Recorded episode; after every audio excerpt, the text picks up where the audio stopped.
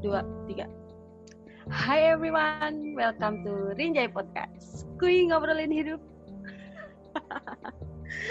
Oke, hari ini ada partner ngobrolnya. Kita hari ini bakal ngobrol sama Carmila lagi. Hai everyone. Hai Carmila, gimana Halo. kabarnya? Kabar baik. Kabar baik, puji Tuhan. Oke, karena memang hashtag dari Renja Podcast ini adalah kue ngobrolin hidup, kita bakal ngobrolin, ngobrolin, jadi belibet ya grogi, Jangan grogi gitu dong. bakal ngobrolin salah satu season, salah satu musim dalam hidup kita, yaitu kita mau bicara tentang kehilangan. Kehilangan kita sama-sama pernah kehilangan siapa pun itu. Kita pernah sama-sama merasakan kehilangan ya kan, orang terpenting dalam hidup kita mungkin ya. Eh nggak mungkin sih, pasti gitu kan. Jadi ini kita mau bahas tentang sebuah rasa kehilangan yang ya mungkin sebagian dari kalian pernah ngerasain ini juga ya kan, bukan cuma kita doang. Oke kan, jadi gue inget banget sih waktu itu sekitar jam 2 atau jam setengah 3 pagi eh, Bapak asrama tuh ngetok pintu kamar ya, ngetok pintu kamar karena dia mau nyampaikan sesuatu dan gue nggak tahu itu sebenarnya sesuatunya apa. Nah kebetulan gue sama Carmela tuh satu kamar bareng. Nah waktu itu eh, Bapak asrama tuh ngetok kamar dan gue kebetulan yang buka pintu gue gitu kan. Dan pada saat gue keluar kamar, gue diajak pergi jauh dari kamar itu. Dan gue diminta untuk tutup pintunya lagi. Dan gue kayak apaan nih apaan nih? gitu. Karena memang sebelumnya Carmela sempat cerita gitu kan bahwa mamahnya lagi sakit. Pada saat itu kayak malam-malam dipanggil keluar kamar dan ya ternyata itu kabar yang disampaikan gitu kan. Betul.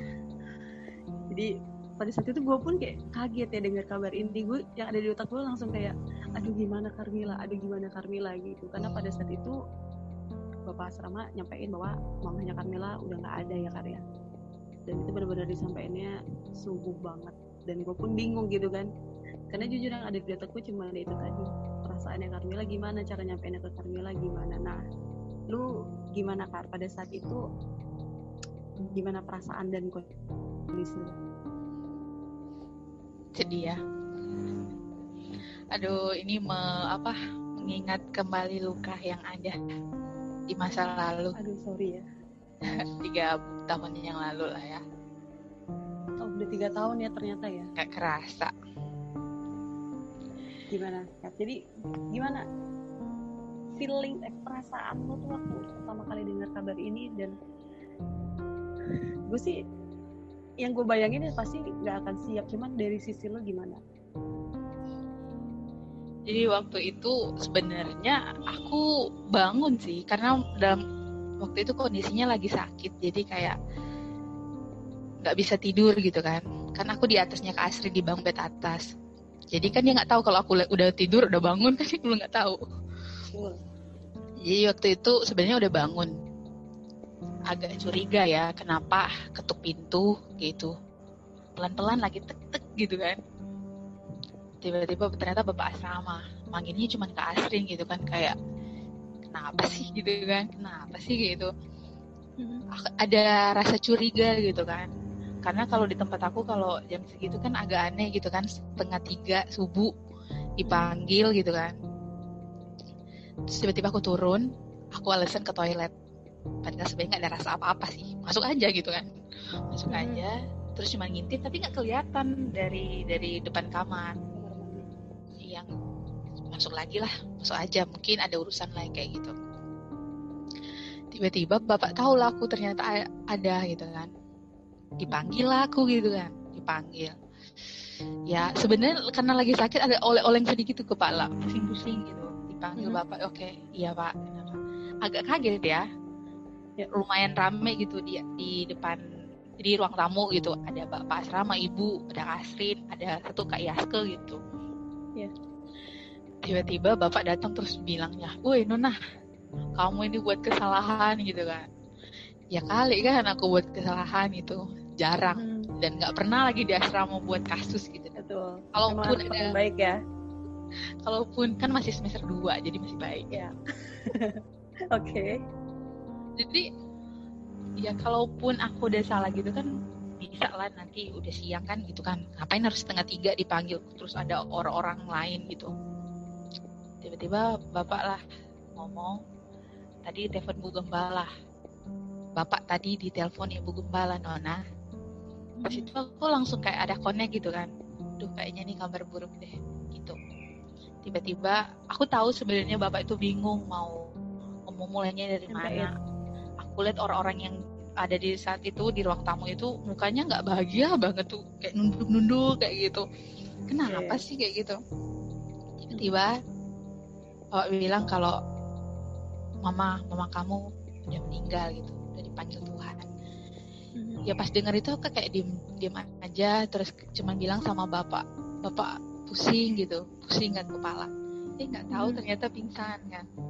Ya benar banget agak lumayan lama juga pingsannya ya. Nggak tahu namanya pingsan nggak tahu. Iya benar-benar. Oke. Okay. pas aku sadar wah kenapa di di ruang tamu udah rame udah banyak orang gitu kan.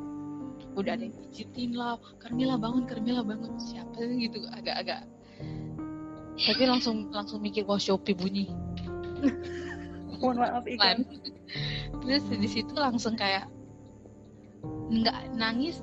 Nggak tahu lupa aku tuh waktu itu nangis atau enggak cuman kayak diem aja gitu diem untuk memikirkan agak percaya dan nggak percaya gitu mm-hmm.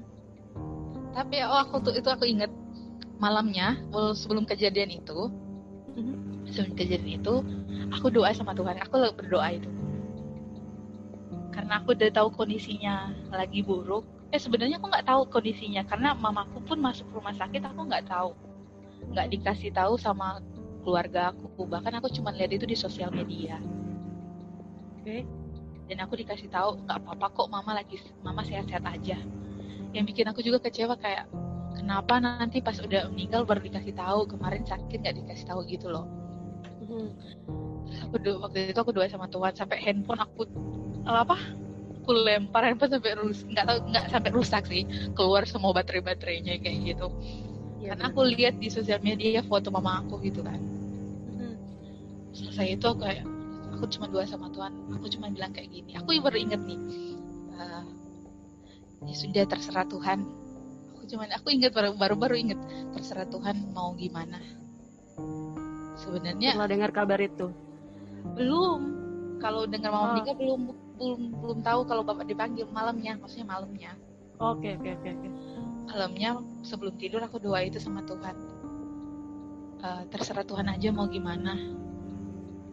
Ya yang baik aja. Aku cuma ngomong kayak gitu terus tiba-tiba aku langsung tiduran terus subuhnya dengar itu. Oh ya.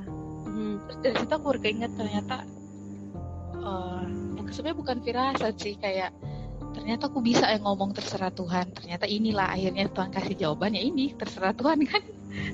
Ya akhirnya mungkin itu baiknya supaya mamaku nggak sakit lagi gitu kan. Tapi karena secara, sudah cukup lama sakitnya? Waktu aku masih di Manado itu udah satu tahun dia sakitnya. Oke. Okay. pas aku mau berangkat ke Jakarta dia sehat. Beberapa bulan aku di Jakarta tiba-tiba dia sakit lagi. Sakit lagi. Dan waktu itu sorenya langsung balik lah. Hmm. karena kan dengarnya subuh sorenya balik menunggu untuk pulang. Eh, teman-teman dari asrama putra putri ngumpul di asrama aku gitu sama kita gitu. Selatu silaturahmi lagi. Apa uh, gerut berlayat ngelayat ngelayat. lain itu sebenarnya ke orang itu dong kak yang meninggal. Oh iya. Ya kunjungan kedukaan ya, mungkin lah ya bahasanya. Turut berduka cita lah kayak gitu. Hmm. mau pada ngucapin gitu kan. Terus kayak makasih makasih ya waktu itu aku cuma bilang yang kayak hmm, nggak hmm, mau nangis gitu kan pura-pura kuat mau kelihatan hmm. cewek yang kuat aja gitu ya. terus tiba-tiba teman-teman datang masih bisa ketawa-ketawa hahaha hihi gitu kan sampai okay, okay. inget teman-teman aku ada satu teman yang ngomong kayak gini sebenarnya si Carmila itu berduka atau bahagia gitu kan tapi itu termasuk satu satu hal yang menarik yang gue lihat dari lo ya dari lo terima kabar duka itu terus pagi-pagi teman-teman pada datang ya kayaknya ya kayaknya gue nggak ngeliat lo nangis sih. Gue cuma ngeliat lo lemes aja mungkin karena lu sakit ditambah dengar kabar itu kali ya. Cuman yang gue lihat kayaknya lu nggak nangis bahkan ketika yang teman-teman asrama putra datang ke asrama pun lu tuh diajak, diajak bercanda masih bercanda. Dan lu masih bikin minuman atau makanan gitu gak sih? Kita masak mie.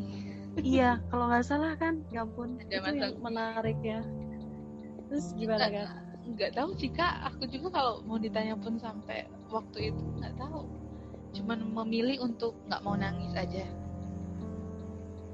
Di banyak orang itu salah satu alasan.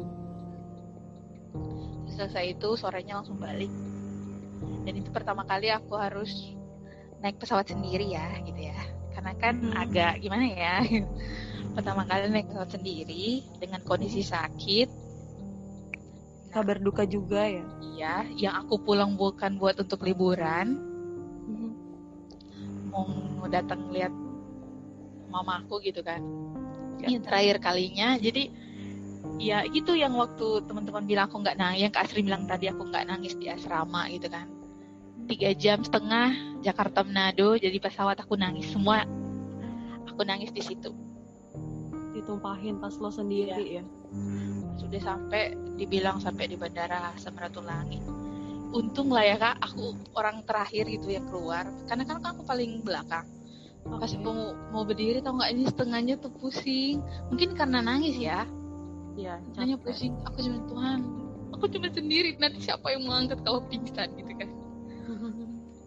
Untungnya tiba-tiba pas udah giliran aku untuk keluar udah udah sembuh gitu kan situ aku dijemput sama keluarga dari mama gitu kan. Dijemput. Ya biasalah mungkin orang Manado bukan cuma orang Manado sih. Histeris lah ya kalau datang oh Carmila kasihan kamu di di- gitulah. Aku ya masih pegang lah dari dari Jakarta masih tetap, tetap pegang itu nggak mau nangis gitu kan. Terus habis itu sudah aku cuma nenangin mereka dan dari Manado ke rumah itu agak lima jam sampai sampai di rumah ya beda aja waktu aku terakhir tinggalin rumah suasananya kan. Suasananya ya. Rame banget. Rame banget. Terus aku belum mau turun di mobil belum mau turun karena nggak kuat gitu. Kaki untuk melangkah untuk turun Ya. nggak kuat gitu.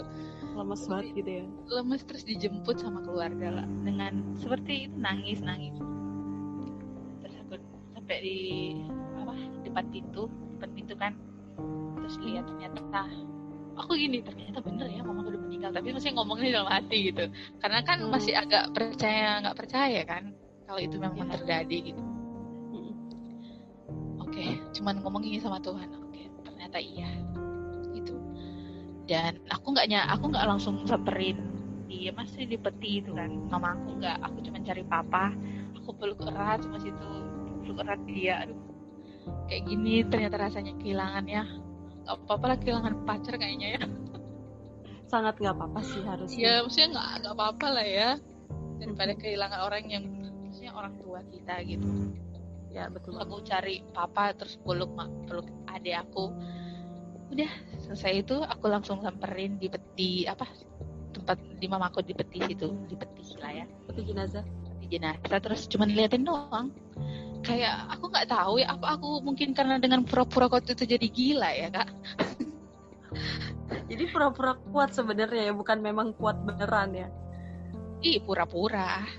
Kalau main kan pura-pura lupa aku pura-pura kuat. Pura-pura kuat ya tapi memang luar biasanya perempuan tuh dikasih berkat lebih sama Tuhan itu sepertinya ya. Nah mungkin nih Kar pura-pura kuat lo itu karena lu gengsi nggak mau dibilang lemah atau karena lu gengsi karena lu anak yang sekolah teologi. teologi gitu sekolah kitab gitu. Jadi lu nggak mau nunjukin sama orang kalau ya udahlah anak teologi. Biasanya kan pikiran orang anak teologi itu lebih tahu apa yang menjadi kehendak Tuhan istilahnya dalam hidupnya gitu kan. Apakah ke arah situ atau gimana? Dua-dua masuk kak.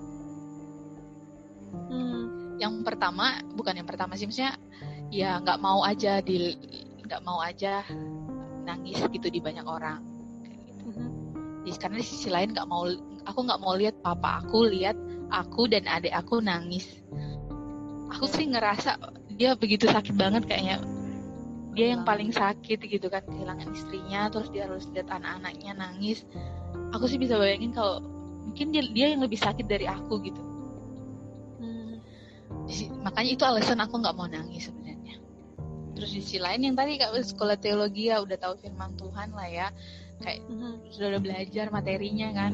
Semuanya memang balik sama Tuhan gitu ya nggak harus bukan berarti uh, lagi kehilangan berduka terus nggak bisa nangis bisa. Tapi kan nggak harus berduka terus gitu. Hmm, ya. ya sekolah teologi waktunya waktunya aku mau mempraktekkan itu sih. Waktu wow. itu.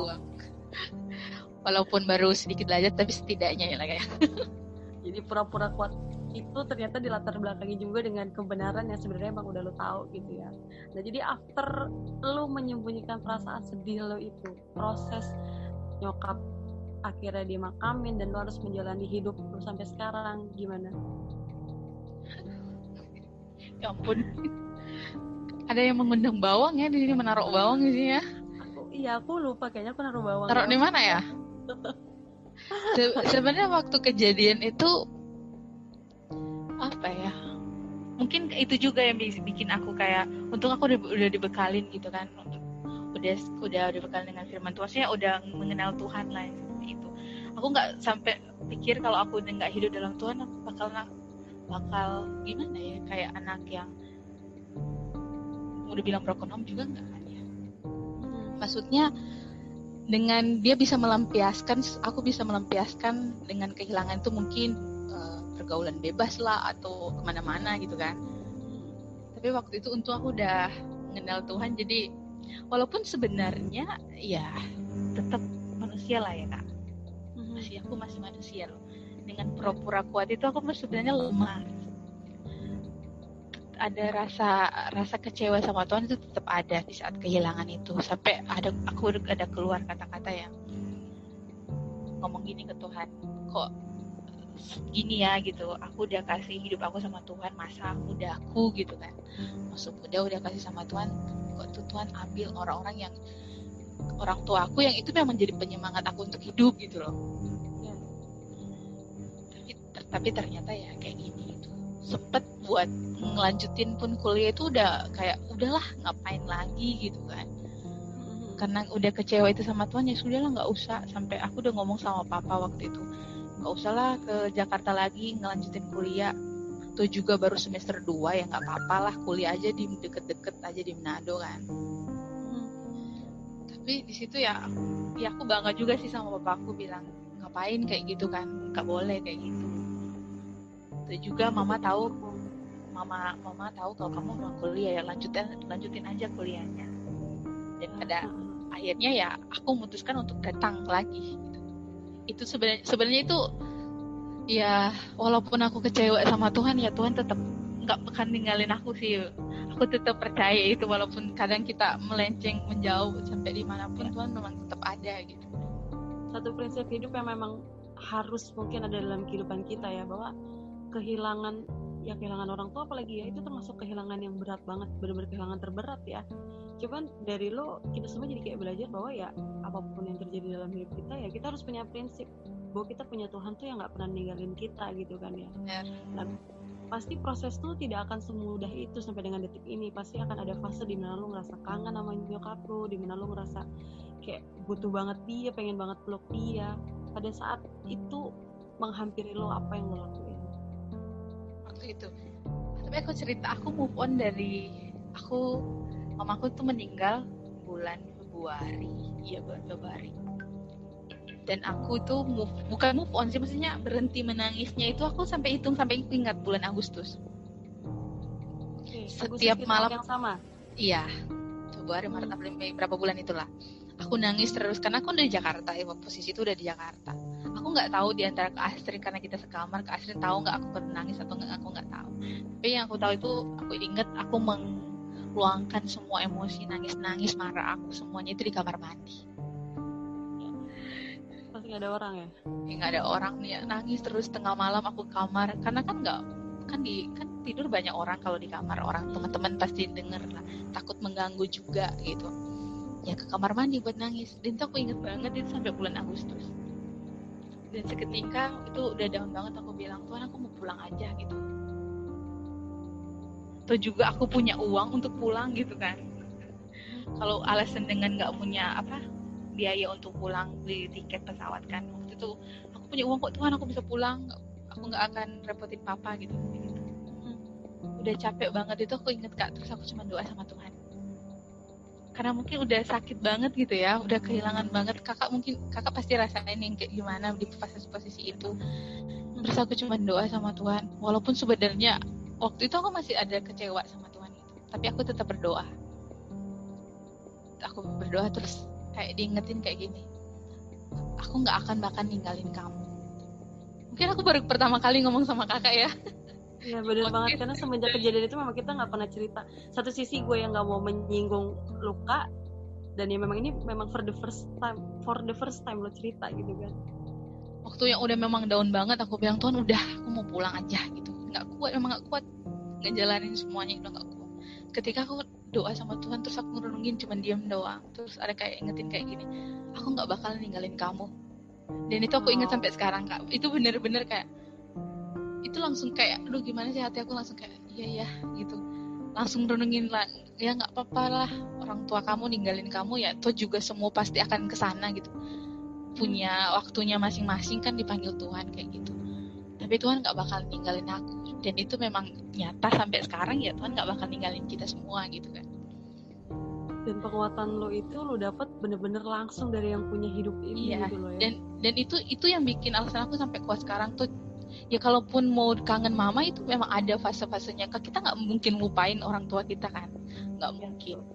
tapi ada di fasenya memang pada hari itu memang kangen kangen banget.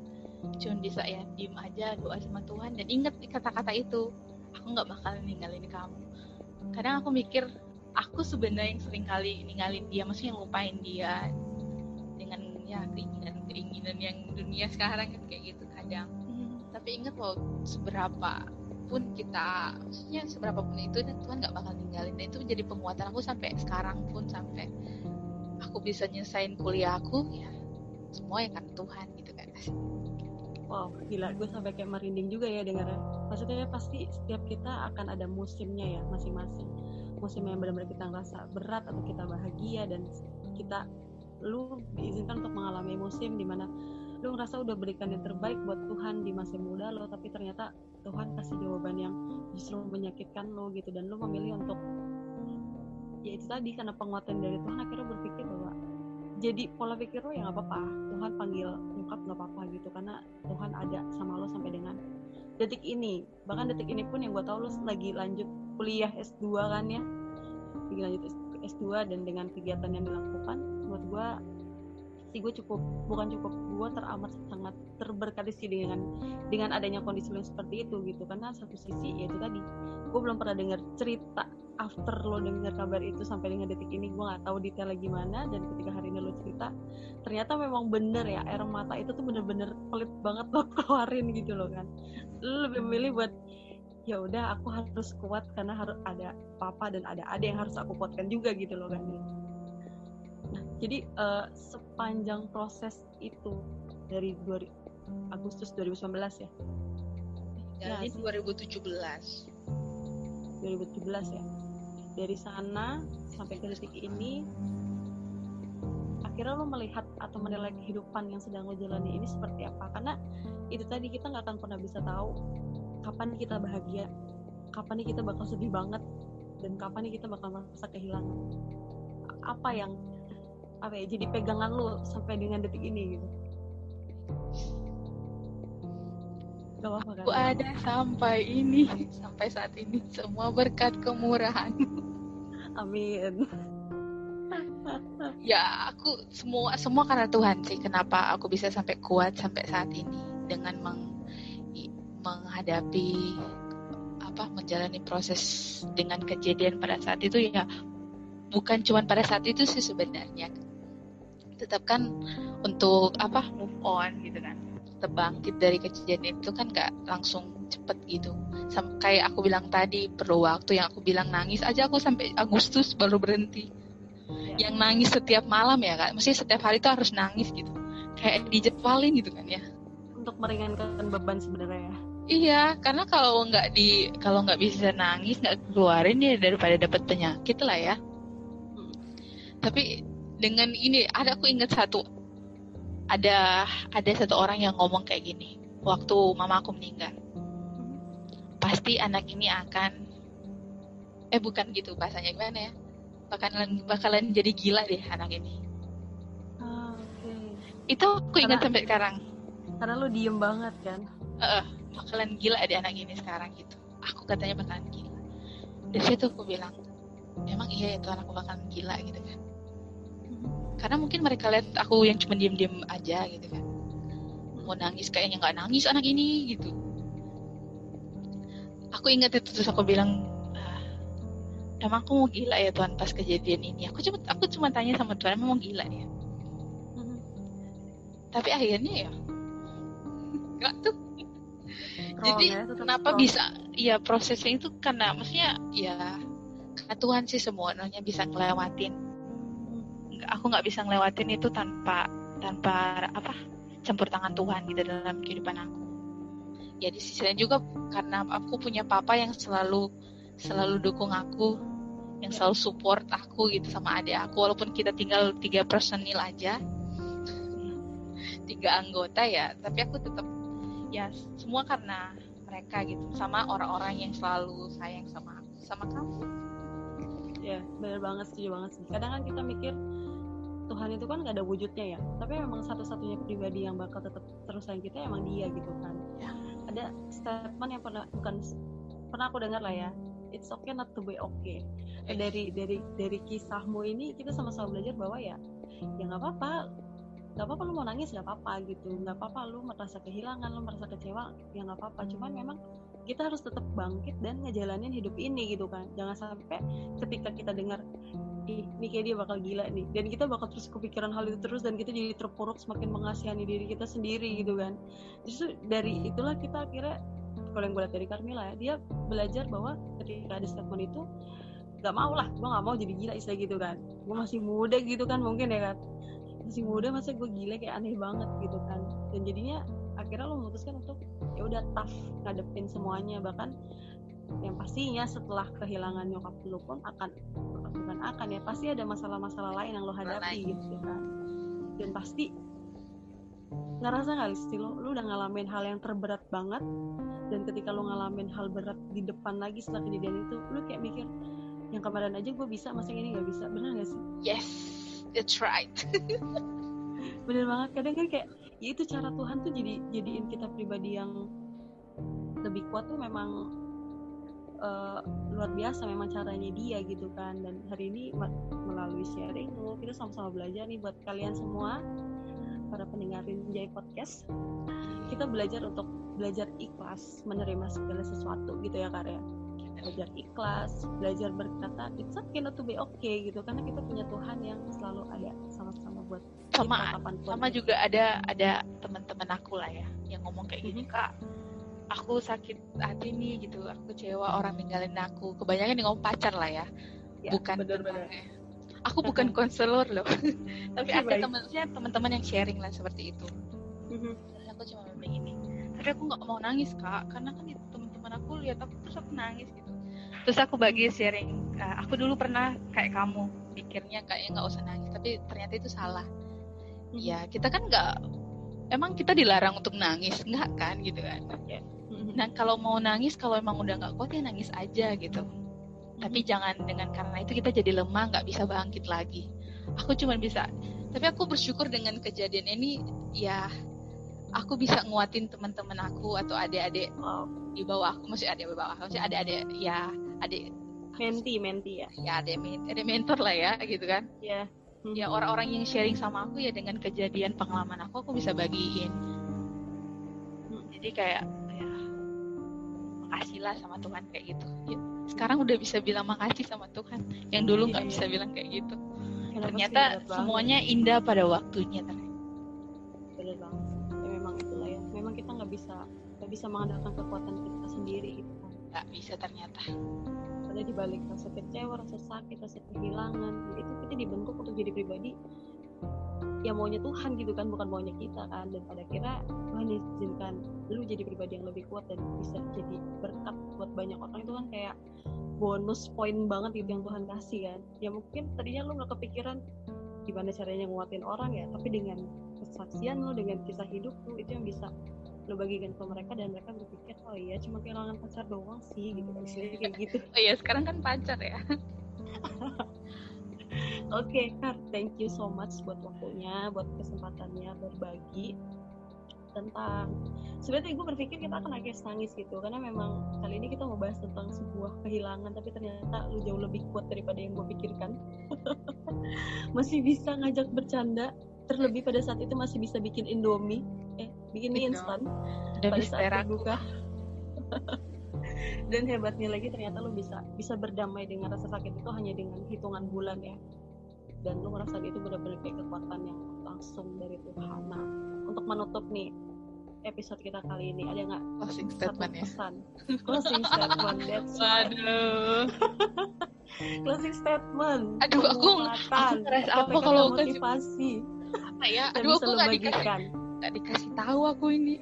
Ya. oh nggak dikasih tahu ya? Oke. okay. aduh gimana nih. Saatnya ada mulai berpikir dan merangkai sebuah kata-kata. Apa ya? Kau sendiri rangkai lah apa ya? Ya dengan dengan pengalaman aku waktu itu ya kita punya punya masalah masing-masing gitu ya. Punya masalah masing-masing. Ya kalau aku sempat ngomong kayak gini kalau misalnya kita ada di posisi emang capek banget sama semuanya apalagi pandemi ini kan capek yeah. sama semuanya ya nggak apa-apa istirahat istirahat aja ya yeah. istirahat sebentar istirahat sejenak tapi jangan lupa untuk bangkit lagi wow istirahat untuk bangkit menjadi lebih kuat lagi ya. ya. Kalau memang udah capek ya mungkin kamu butuh waktu untuk sudah apa diam sejenak dulu istirahat dulu jangan dipaksain kita tuh nggak sekuat kuat apa ya ya ya benar kita masih lemah ya ya istirahat sejenak gitu untuk tapi bukan berarti kita udah ya aku kan udah memang udah kayak gini mau gimana lagi gitu kan. Tapi harus bangkit. Hmm. ya bersama Tuhan kita bisa ngelewatin semuanya. Ya kayak lagu Tuhan kan selalu sama kita. Gimana lagunya? Uh, apa ya? Bersamamu Bapa ku lewati semua. Perkenananmu yang bisa dicari di Spotify dan musik-musik lainnya. Betul. Oke Carmila, terima kasih untuk beberapa menit yang sudah disediakan buat kita semua untuk teman-teman Pinjai Podcast yang mungkin akan mendengarkan. Semoga dia mendengarkan sih ya. Karena memang aku baru memulai ini. Harapannya ya memang kenapa aku bikinin dan podcast ini supaya ya kita bisa saling menguatkan saling menolong bisa jadi berkat juga lewat apa ya lewat konten-konten atau episode-episode yang akan ditayangkan. Sekali lagi Carmila semangat terus sukses kuliahnya diberkati pelayanan pekerjaan dan segala sesuatu yang dilakukan. Salam sehat selalu. Jalanin protokol protokol kesehatan ya. Jangan lupa pakai masker. Asia buat kalian yang sudah dengerin jadi memberkati buat kalian yang sudah mendengar Rinjai Rinjai Podcast aduh grogi ya kalau ada teman kayak gini yang udah dengerin Rinjai Podcast kali ini. Terima kasih. Ditunggu episode selanjutnya dan semoga apa yang kita perbincangan hari ini ya kalian bisa menguatkan kalian menolong kalian karena di masa-masa pandemi ini pasti akan ada masa di mana kalian masa stres yang tadi Carmela bilang. Pun demikian cuman nggak apa-apa. Istirahat sebentar.